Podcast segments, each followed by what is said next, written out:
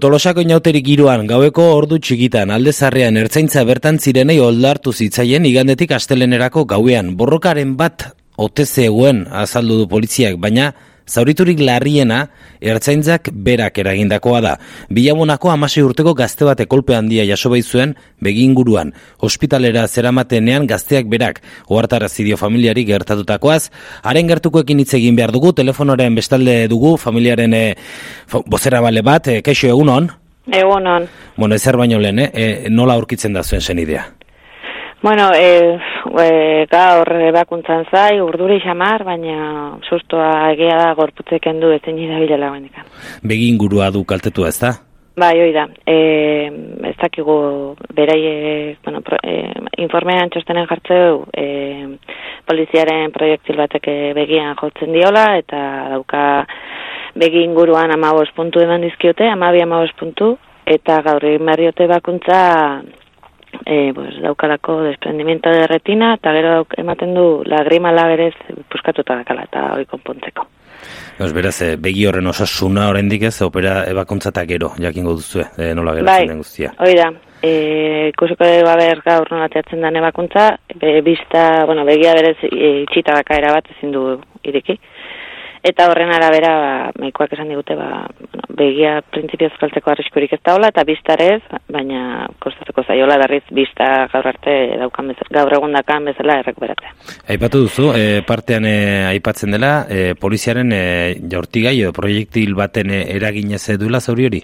Bai, bai, jarten du txostenean, bai, bai, e, asuntzioneko informea, bueno, ambulantzian iotzen dutenean, e, tolosako residentzia, bueno, hospitalean jartzen dute, bai. Eta en, baldak izue edo alegia medikuek kolpe ikusita, e, ze hor, bueno, zalantza hor dugu, ez? Gomazko pilotak erabilia lote diren, ez? Bestelako proiektil bate izan ale izan den?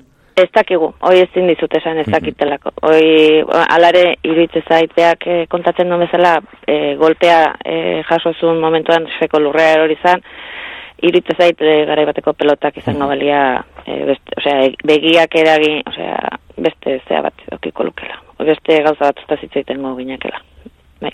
Ah, oso, oso kolpeagatik ez e, iruditzen zaizula ezin duela izan, ez? Egon azko pelota bai, bestela. Zean, bere garaiko pelota gu, osea, ez, ez, ez zait iruditzen denak. Baina, bueno. Ez zer dakizu, nola gertatu ziren kontuak, zer kontatu dizu berak? Bueno, e, berak kontatzen du, e, beraiek zijoaztila kale batetik bestera, lehenengo karga entzuten duela, korrika azten dela munduztia, eta beraiek bai e, korrika zizidera, eta bigarren karga entzuten duenen, bos, zuzenen korrika zijola golpe batek eman ziola, sentituzula golpe bat e, begian da sekor hori zala lurre. E, lurrean zeola laguntza eskia zizala, antze bilen beste gazte batek altxazula lurretikan, eta beno, bere lagunak ere beakintzo dela, altxa zutela, zila bat, bueno, banko baten eseri zutela, eta oi, zeitu ambulantzira eta etxera ditu zuten. Hmm. Ez dakite ingurukoen aldetik edo jaso duzen, zer gertatu zen, er, ertzaintza olako leku batean, hainbeste jenderekin, parranda giruan. Egia da gero e, ertzainak deitu zigula guri, goizian, esan ez, bueno, e, galdezka berze museoan beha galetu ziguten, e, beraiek kontatzen digute, liskarra berez en, en pele, o sea, liskar baten gatik azten dela, eta, pues, e, bat ematek erabakitzen dula, etako batek, e, kargatzea zala hobena. Baina, gure aldetik, harri-harri iritzte tolosako inautoriak ezautzen baituzu egertuz, zenbat jende maitzen da, nigan gean, eta horako ere bat hartzea, ba, harri-harri iritzte egia esatea nahi Esan duzunez, beraz, e, ertzaintza beraz, zuekin bai jarri da harremanetan, ez, euren azalpena edo emateko, euren ikuspegiti nola joan ziren gauzak? Bai, e, bi, bueno, bat telefonoz, jarri dia gurekin harremanetan, atzo goizean, eta gero eguardialdean, hospitalea gerturatu zian, gaztean orazion jakiteko, eta behakin itzein zuten, ba, oi, ba, ba, ez dakit, ba, esan ez, ba, e, investigazio bat iriki duela, bai internoa eta bai ba, kanpa bera jakiteko ze pasazan gau hortan, eta mhm. oixe, eta beraie, ba, e, beraien eskutzeo nahi zutela. Eta gero arratsaldean e, lozeola beste berriz etorri zian, baina et zitzaien hemen aukera behakin itzaiteko, eta gero atxalde erdialdea forensea pasazan.